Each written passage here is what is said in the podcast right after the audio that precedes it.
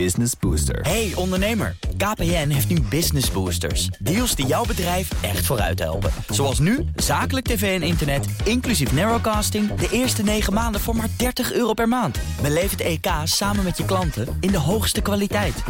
Kijk op kpn.com slash businessbooster. Business Booster. BNR Nieuwsradio. Boekenstein en de Wijk. Hugo Reitsma. Eerlijk gezegd, ik ben optimistisch over de toekomst. Samen sterker uit de crisis komen, was de belofte. Jullie hebben het ontzettend moeilijk gehad. Bij de heropening na corona. En vervolgens dat we ook weer een vliegende start maken. Maar dat viel tegen. President, het vertrouwen is weg. Daarom heeft premier Rutte besloten de macht van de VVD te versterken en tot zijn 85ste premier te blijven. Zie ik ontzettend uit. Waar de hardwerkende Nederlander op zoek moet naar een nieuwe leidsman, heeft de hardwerkende Chinees niks te klagen. Want dat is verboden. Toch gaat er iets niet goed in China sinds de heropening naar corona. En de vraag is of de Chinese Rutte de oplossing heeft of zelf het probleem is. Welkom bij Boekenstein en de Wijk, op zoek naar de nieuwe wereldorde met de gast, sinoloog Henk Schulte-Noordholt. Welkom. Alsof Xi een polderaar is, Hugo. Wat? Dat is misschien een beleidsaanbeveling die we hem in dit programma kunnen doen.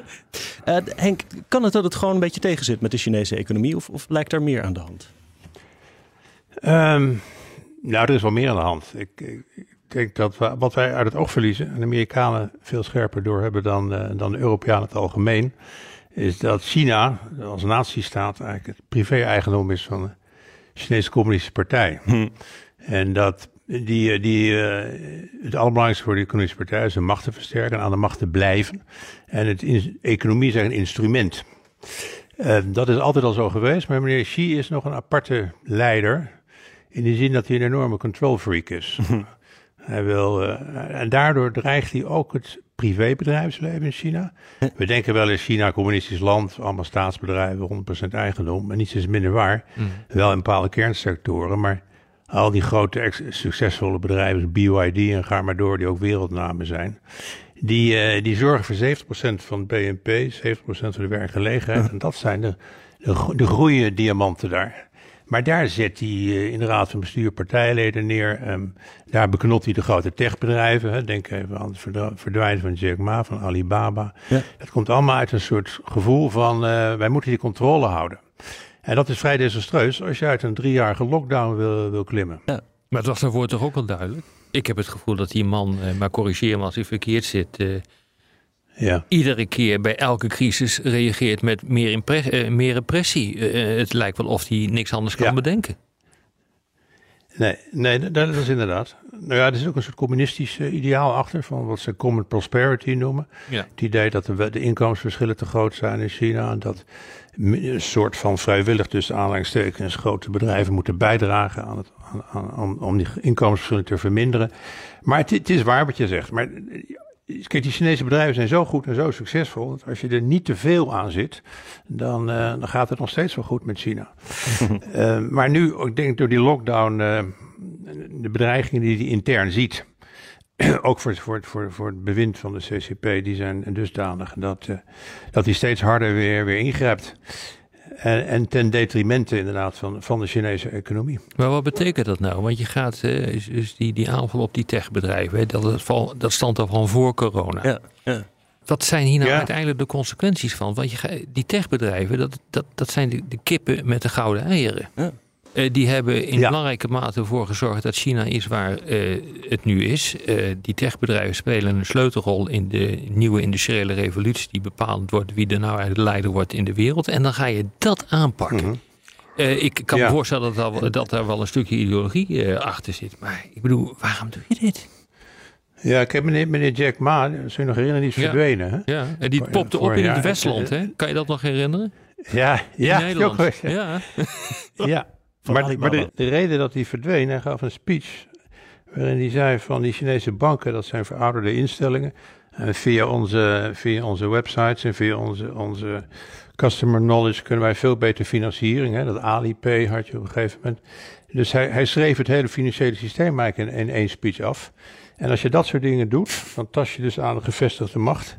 En dan word je dus gekortwiekt. en en dat, dat is iedere keer dat een, een voorbeeld van hoe de politiek altijd prevaleert boven de, eh, boven de, de economie en wat slim is. En wat ook vreemd is, is dat. eh, kijk, waarom mag die Chinese partij eh, regeren?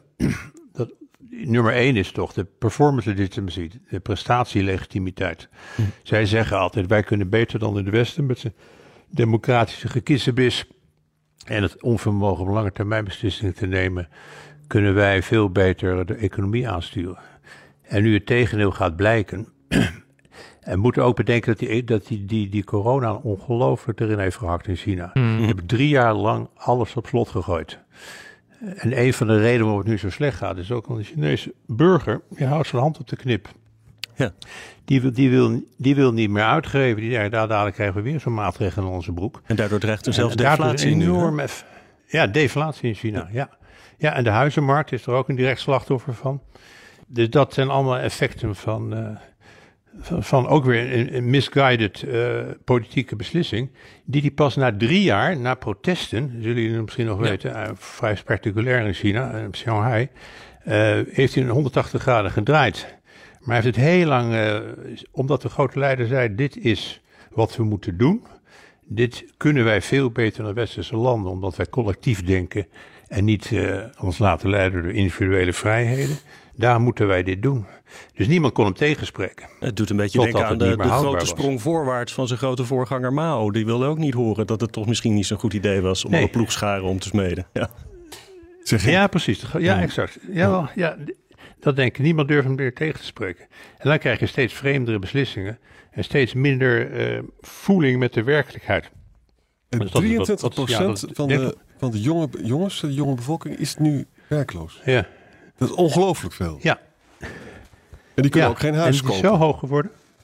Die kunnen geen huis kopen. dat zijn losers. Want die, als je geen huis kunt kopen, kun je geen vrouw krijgen. Ja. En de, de cijfers zijn nu zo hoog dat sinds vorige maand de getallen ook niet meer worden gepubliceerd. De stati- stat- statistische eh, gegevens over jeugdwerkloosheid. Kan dat ook niet leiden tot dan 20%. onrust? Dat soort, ik bedoel, jeugdwerkloosheid kan zo wel eens een indicator zijn voor gerommel in een maatschappij. sociale contract wordt eh, doorbroken. Dat is zo mooi Ja. heet. Om Pieter Omzicht Pieter. Omtzigt, die weet er alles van. Het zijn allemaal testosteronbommetjes. De youth bulge. Nee, maar even zonder, zonder dolle kan dat eh, sociale contract eh, verbroken worden tussen de communistische partij en... Ja. Eh, want de, de- met de, de keizers die konden er ook wel van meepraten dat het af en toe gebeurde. Dat is weer een dynastie die werd Ja, op de schroothoop eh, van de geschiedenis gegooid. Ja, ja, dat is altijd eh, een grote angst natuurlijk. Waar komt het vandaan? Wanneer wordt ik, gaat het, is het niet beheersbaar meer? Ja, het is lang geleden toen ik als jonge man zat met eh, 4 juni. En opeens ging het volk in beweging. Ja. En dat is niet meer te stoppen. Maar met, met die surveillance-technologie kun je dat natuurlijk wel in een kiem smoren. Maar dat de jeugd het geloof verliest. Je ziet ook hele on-Chinese dingen. Dat vind ik ook wel interessant. eh, Mhm. Die eh, eh, meer in de culturele sfeer liggen. De vrouwen krijgen nauwelijks baby's meer. Ze reproduceren nog minder dan in Japan. Ehm, er is een soort subcultuur ontstaan. Dat heet lie flat. Vlak liggen. Dus niet meedoen meer aan de 996 cultuur. Dat is van 9 tot 9 werken, 6 dagen per week. En dat wordt natuurlijk weer, dat, dat is zo on-Chinees. Want als we iets natuurlijk associëren met de Chinese, ehm, eh, de Chinese ziel, Chinese kenmerk is het keihard werken. Dus er, er is ook op een dieper niveau, wat je niet zo goed in economische cijfertjes kunt uitdrukken, wel iets aan de hand. Dat is wel interessant. Maar in hoeverre die, ja, dus in hoeverre die man dat nou eh, nog onder controle kan houden, dat is natuurlijk de vraag. In, in, in hoeverre spelen volgens jou eh, die, die Amerikaanse sancties hier nou bij? Nou, Ehm, nou, die zeker in het grotere plaatje is dat een hele belangrijke factor. Jullie weten waarschijnlijk dat deze week mevrouw Raimondo daar is geweest, de minister, minister of Commerce. Eh, die is vier dagen op bezoek in China geweest. En die heeft als eerste kwam ze binnen, haar eerste ongeveer wat ze zei, aan nationale veiligheid van de VS gaan we niet tornen. Maar onze relatie, met name de handelsrelatie van 700 miljard dollar, is te belangrijk om, eh, om op het spel te zetten. En er is eigenlijk maar een klein deel waar we de technologie gevoelig is. En daar, daar eh, mogen je niet aankomen. Maar verder moeten we alles proberen om, eh, om de economische relatie, die van groot belang is, veilig te stellen. de- overigens heeft Biden, die heeft die, die, die Trump-tarieven nooit opgeheven. Dat vind ik ook interessant. Nog, hij is De Chinezen dachten dat, dat, dat hij dat wel zou doen. Hm. Maar eigenlijk is Biden nog gevaarlijker Ja. president, zo je wilt, voor, Trump. voor, voor China dan Trump dat was. Want die, eh, die doet het niet als Amerika alleen. Die betrekt ook allerlei bondgenoten daarbij. Ja, en Met name de regio. Hè? Ja, je weet dat de Zuid-Koreaanse en Japanse president zijn net op Camp David ge- geweest. Voor, voor ook veiligheidssamenwerking. Onmiddellijk betiteld als een soort mini-NAVO door de Chinezen. Ja. Dus ehm, ze vinden Biden een, een, een- interessant genoeg een, gevaarlijkere man voor China dan, dan Trump dat ooit was. Maar dat- eigenlijk is dat Dus ja. feitelijk, feitelijk ook juist. Hè? Als je nou door de Chinese bril bekijkt, is het altijd goed om je eigen bril af te zetten. Je wordt dus omsingeld Mhm. door landen die allemaal in Ameri- Amerikaanse bondgenootschap. Geen prettig gevoel, toch? Ja.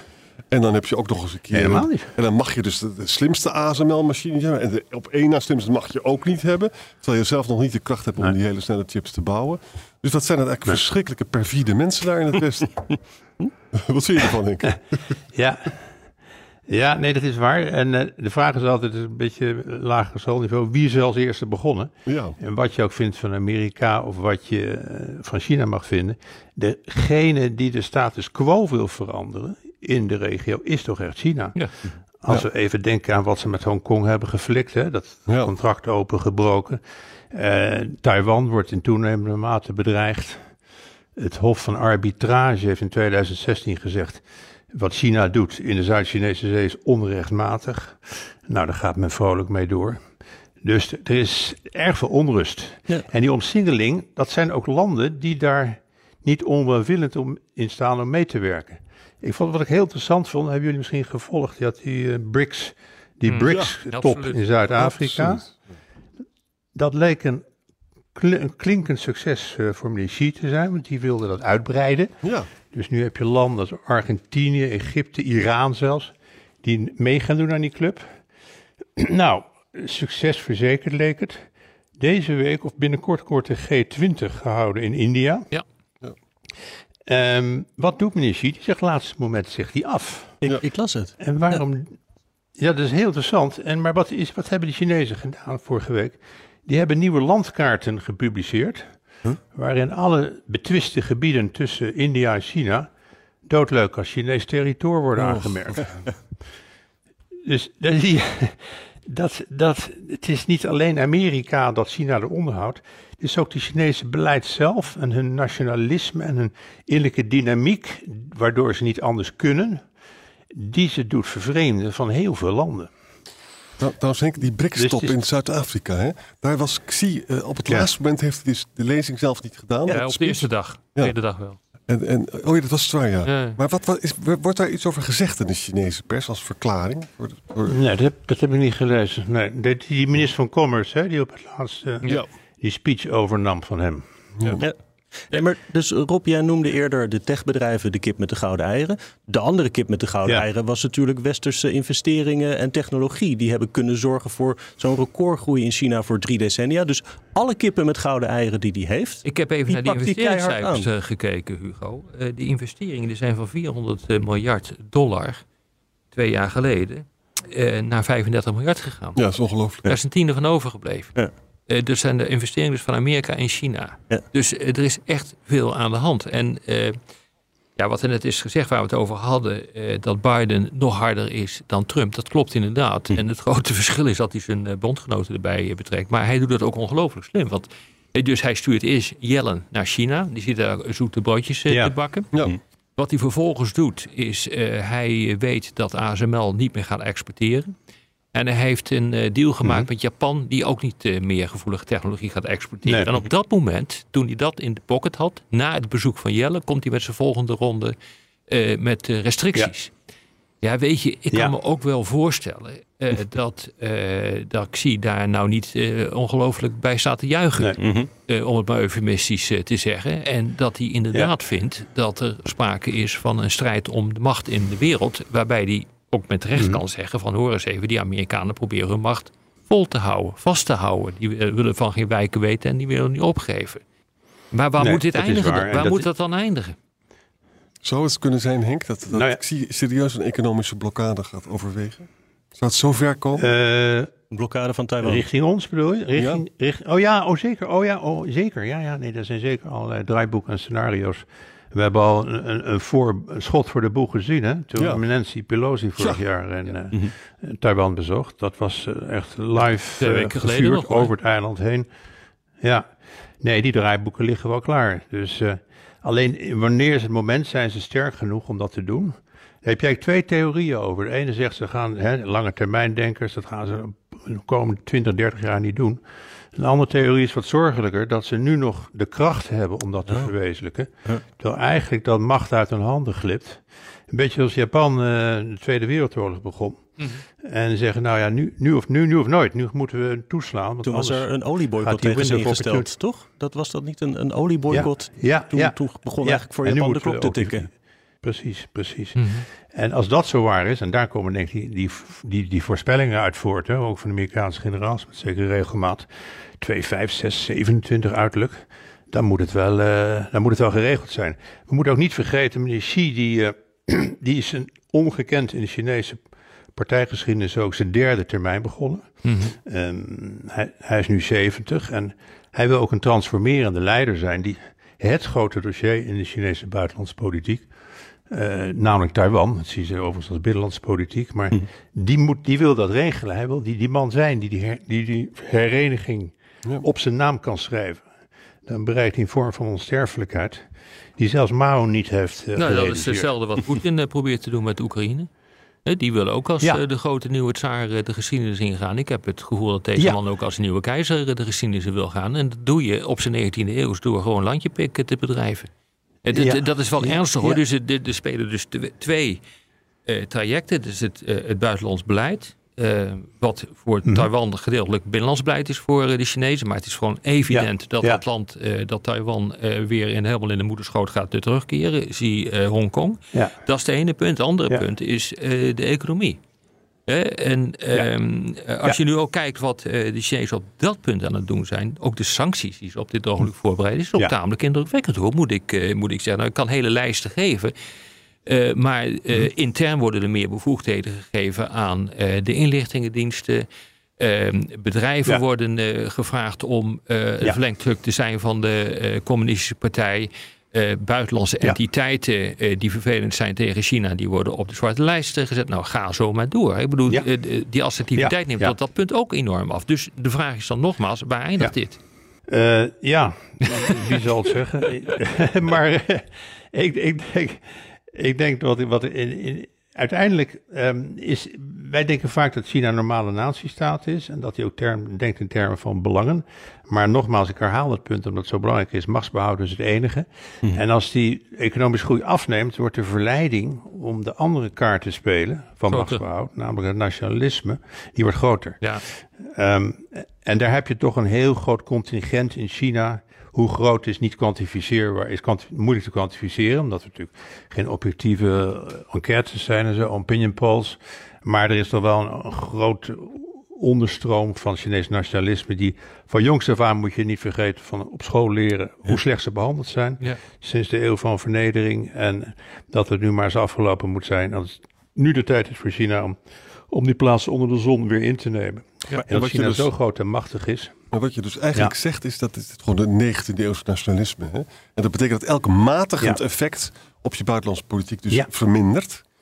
En dat je ook niet meer Ja. terug kan. Hè? Dus heel, Xi heeft zijn hele Nee. persoonlijke lot verbonden aan die Taiwan-kwestie.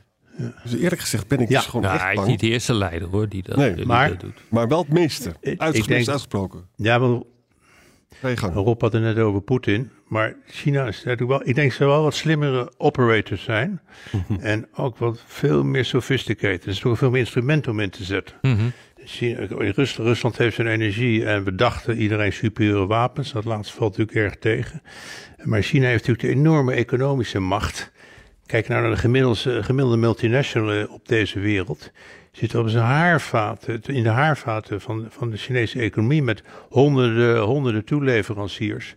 Die kan niet zo makkelijk even naar India gaan of naar Thailand. Dus daar hebben ze ons wel behoorlijk bij, bij de schot. Nou ja, dat is Dus ook zo. dat- Eh, Alleen als het gaat om het produceren van batterijen. 90% van de kathoden, die wel essentieel zijn, eh, heb ik begrepen, voor een, eh, voor een batterij. Ja. Die komen uit China. En wij kunnen die technologie niet echt goed onder de knie krijgen in, in Europa. En dat betekent Nee. dus dat je tot in lengte van jaren afhankelijk bent van, eh, laten we zeggen, die Chinese technologie om hier bijvoorbeeld autobatterijen te kunnen maken. Nou, en dan daar nog een keer overheen de hele discussie over eh, grondstoffen, lithium in dit eh, geval. Nou, hartelijk gefeliciteerd. lithium, ik bedoel, ja. hier ligt natuurlijk, en dat is natuurlijk ook het hele punt waarom ik vroeg van waar gaan we heen? Ja, dit leidt natuurlijk toch Ja. tot een mondiale ehm, eh, economische oorlog, om het maar zo te zeggen. Waarbij je dus gewoon echt grondstoffen, energie, technologieën ga je gewoon als, eh, en dat gebeurt nu ook, eh, als machtsmiddel inzetten. Dat, dat, dat, dat kan bijna Ja. niet missen. En de helft van de Duitse auto-industrie wordt weggevaagd door die Ja. goedkope Chinese auto's. Nou, gezellig. Ja. Ja, nee, ja dat, dat, is, eh, dat is waar wat jullie zeggen. Maar de, de vraag is inderdaad... In, in, kijk, de Chinese bevolking lijkt dan een soort passieve massa... die, die eh, door dik en dun zal steunen. Ik zei net al, er is een groot contingent van nationalisme. Maar er zijn ook wel grenzen aan, aan hoe ver ze kunnen gaan. Daar liggen die Eh, grenzen ik dan. denk ze daarom heel nauwkeurig de Oekraïne-kwestie bestuderen. Van stel, want stel dat een blokkade of wat het ook wordt, een rechtstreekse aanval van Taiwan mislukt of zou voor zich zou voortslepen, zoals we nu bij Oekraïne zien. Wat zou dan het binnenlandse sentiment in China zijn en de standing van Xi zelf? Dat is toch een enorm risico dat ze lopen. Ja. Mocht dat niet gaan zoals de propaganda belooft dat het zou gaan. Eh, dus dat zijn toch afwegingen die wij niet precies kunnen beoordelen. Maar eh, daar, dat, dat is wel een, een grote risicofactor. Maar ik Want kan- dan zou de communistische partij Hm. Kunnen verdwijnen. Ja, maar dus ik kan hem daarom om die reden, ook als je redeneert vanuit de communistische partij, nog niet helemaal volgen. Want China kan zich toch niet veroorloven dat ze, dat ze de economie nu in het slop laten zitten. Het is nog geen rijk land. Het is, ze moeten hard verder groeien als Xi die, die macht verder wil uitbouwen. Dus als hij nu al zijn kippen met gouden eieren heeft geslacht op het altaar van Taiwan, dan loopt Ja. het toch slecht af. Nou, dat hoeft niet. Ja, maar wat Nou, dat hoeft toch niet? Ten eerste wat Rob, wat Rob net zei, ze zijn bepaalde technologieën liggen ze al voor. En die batterijtechnologie en een bepaalde militaire ontwikkelingen gaan ook razendsnel. Kunstmatige supersonische intelligentie liggen ze vermoedelijk ook voor. Ja. Ja, en ehm, dan wordt op een gegeven moment een afweging. Kijk, pijn lijden en, en eh, voor, voor, voor de glorie van het vaderland, dat zit ook in de aard van het communisme. Juist als het is heel moeilijk, ga ik, gaat de volksvriend achter het vaandel van de, van de CCP scharen. Dus dat is ook een soort eh, ja, battle cry waarin ze het volk kunnen verenigen. Gekoppeld aan het vermogen inderdaad om bepaalde technologieën daar voorsprong te krijgen en vooral wapentechnologieën. Dan zou de beslissing op een gegeven moment kunnen uitvallen. Nou, nu is het moment hier. Ook, ook vanuit die, eh, wat ik eerder zei, dat als ze te lang wachten, dat ze dan toch steeds zwakker worden. Dat ze dan, dan de afweging, de calculatie gaan maken. Nou, nu, nu is het moment om, om, om Taiwan in te pikken. Liever de oorlog eerder Eh, dan maar- later. Hè, De Eerste Wereldoorlog. Ja, Ja. parallel. Ja, dat is net ja, vergelijkbaar, ja. Ja, Maar het land is Maar, gewoon eh, rijk genoeg. Om, het la- het land is inmiddels rijk genoeg om die machtspolitiek eh, te, gaan, eh, te gaan voeren. Eh, dus Ja, daar hoeven ze spreken nog waar. niet. en en Nee. zoveel Chinezen is een, is een kwaliteit op zich. Dat vergeten we iedere keer maar. We staren ons blind op Ja. dat BBP, dat bruto binnenlands product van, van Mhm. China. Dat is ook heel groot. En in, in termen van koopkracht Ja. zijn ze Amerika al voorbij gestreefd. Maar dat is het hele punt niet. Ik bedoel, als je zoveel Chinezen hebt, 1,4 en al zo'n grote, eh, zo'n grote economie hebt, dan hoef je maar heel weinig, ehm, eh, een heel Mhm. klein percentage van je, van je economie in te zetten voor machtspolitiek. En je hebt al een enorme voordeel. ja. Dat is kennelijk waar eh, Ja. Xi op rekent. Op de radio moeten we alweer afronden, maar in de podcast gaan we langer door met luisteraarsvragen. Luistert u op de radio, dan verwijs ik naar boeksteinendewijk.nl of uw favoriete podcast-app. Calcolo Ergosum vraagt ons. Er wordt veel gekeken naar de westerse afhankelijkheid van China, maar minder naar de omgekeerde afhankelijkheid, behalve halfgeleiders. Hoeveel technologietransfer vindt nog plaats naar China? Hebben besproken. En hoeveel onderdelen voor assemblage is de Chinese politiek van interne onafhankelijkheid plus export haalbaar? Nee, ook niet. Nee, men is ook afhankelijk van het, eh, van het Westen. En een van de, van de grote problemen die op dit ogenblik speelt, is dat als zij sancties gaan opleggen, bijvoorbeeld als je, eh, daar is veel over te doen geweest, grondstoffen voor, eh, voor, voor chips.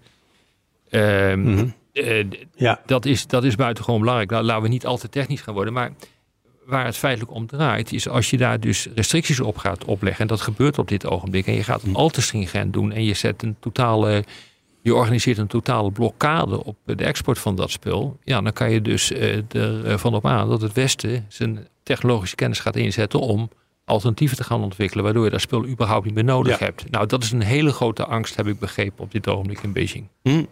En kunnen ze zich veroorloven dat ze de Europese markt kwijtraken als ze dus gekke dingen gaan doen met Taiwan en nee. die handel dan uh, ja, nee, dat is een van de redenen waarom uh, ze, denk ik, uh, maar ik corrigeer me, waarom de, de Chinezen buitengewoon aardig zijn voor ons en niet buitengewoon aardig voor de Verenigde hm. Staten. Hm. Natuurlijk probeer je vanuit machtspolitiek perspectief um, Amerika en Europa aan elkaar te spelen. Maar dit speelt er ook wel, uh, dit speelt er ook wel bij hoor. Maar het is natuurlijk ook zo dat de thuismarkt is zo groot. 1,4 miljard consumenten.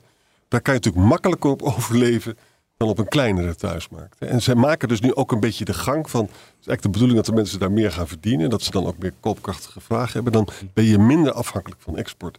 Maar goed, ze willen natuurlijk dolgraag doorgaan met die export. Maar het is de vraag of dat lukt. Misschien gaat die deglobalisering zet zich door. Hè? Ik vind het ook wel verstandig. Ja, maar het is wel een enorme, enorme... Ja, sorry. Dat even nee, ga maar. maar nee, ga maar. Een enorme, enorme motor van de, van de Chinese economie is wel de export. Hè? Ja. De grootste export, sinds 2010 de grootste exporteur ter wereld. Ja. Ik geloof als deel, onderdeel van het BNP praat je over 30, 35 procent. In Amerika is 10 of 15. Ja. Uh, dus het, het, is wel heel belangrijk, ook voor een heleboel bedrijven die, eh, die daar uh, van afhankelijk zijn van export. Alle exportsubsidiesystemen heb je ontwikkeld in, in China. Ze kunnen dat, en, en met andere element, wat Rob geloof ik noemde, dat is ook belangrijk. Dat Europa is om die reden de grootste afzetmarkt. Maar ze willen Europa ook te vriend houden om, om een wicht te drijven natuurlijk tussen, tussen, ja.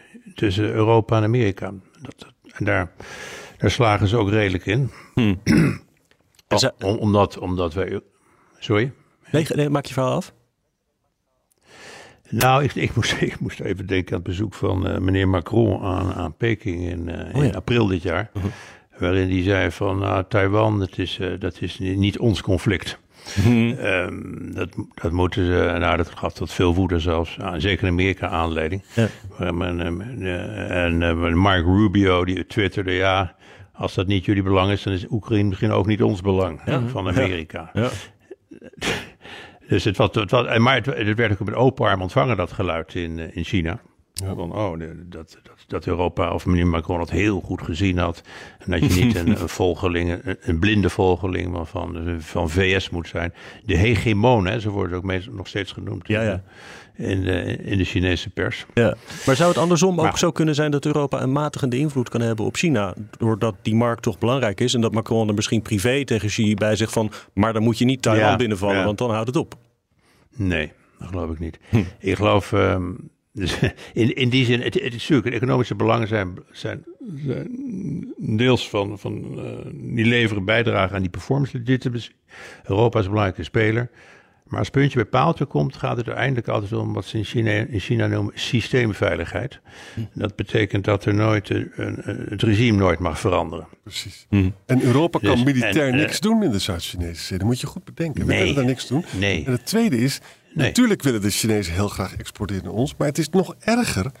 Onze auto-industrie heeft het laten afweten. En wij willen dolgraag goedkope Chinese elektrische auto's kopen. Dus, ja. dus gewoon af, wij zien hier gewoon een verarming van het Westen eigenlijk. En onze auto-industrie heeft het laten afweten. Nou ja, wij waren als eerste bij, kun je misschien beter zeggen, Jan. In de jaren tachtig, Volkswagen begon ja. een joint venture.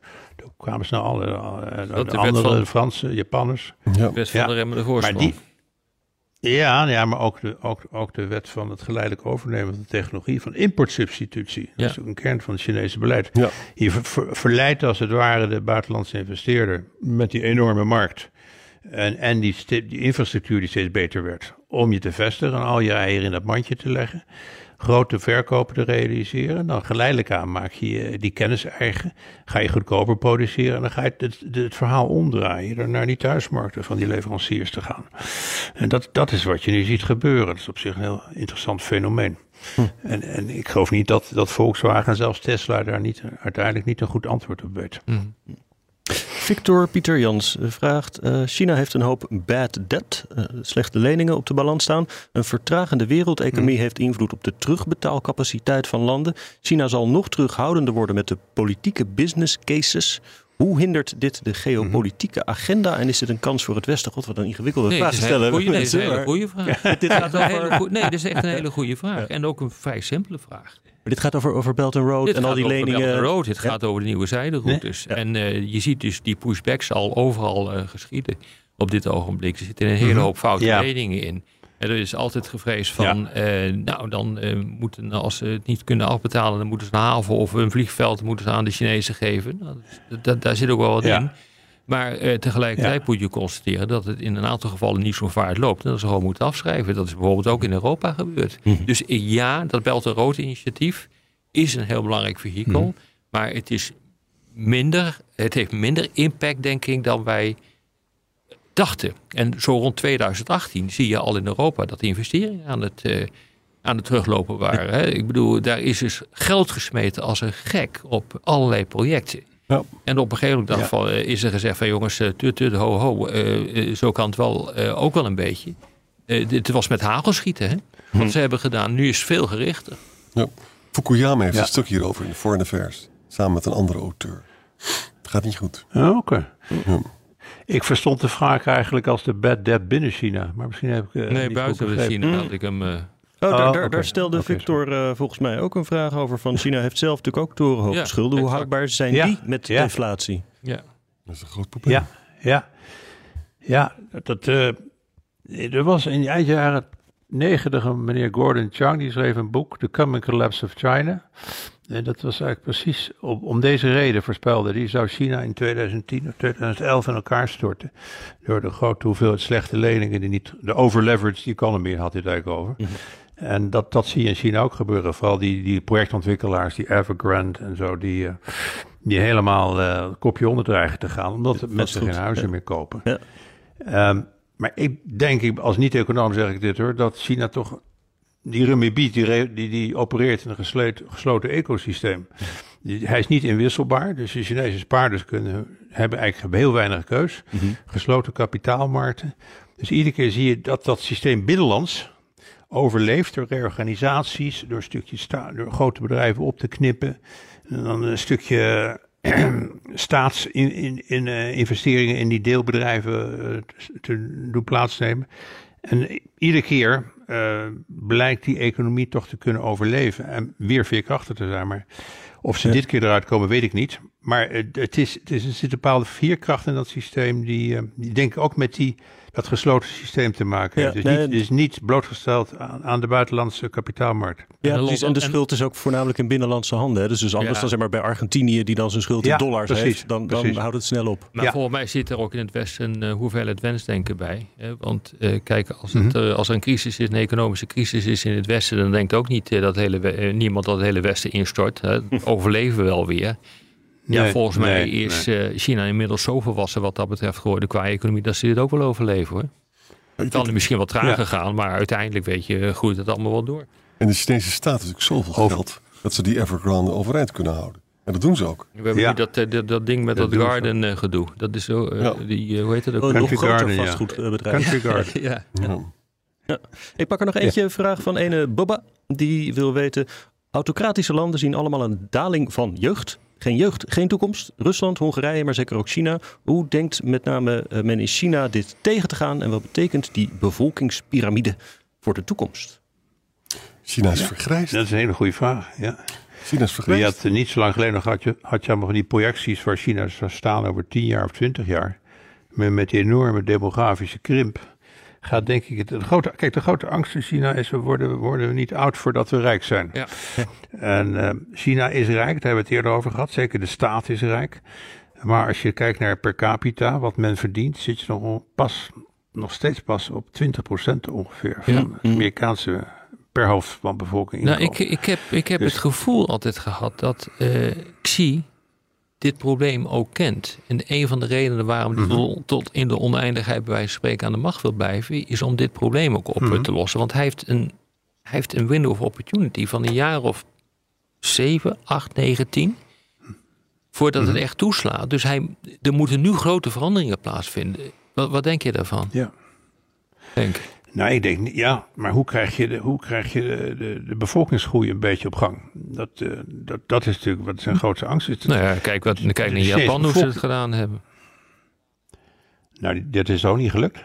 Nee, maar het is die, geen verarmd land. Ik bedoel, nee. ze hoeven daar niet zoals in Noord-Korea nee, maar die waren, nee, maar nee, nee, maar die waren, ja, ben ik met je eens, maar die waren al rijk toen, toen die krimp inzet. Ja. En China is dus die, die, productiviteit moet via de technologie worden, de toename daarvan. Ja. Dat kan je deels doen. Maar ze komen van een heel laag basispunt nog steeds. Dus ja.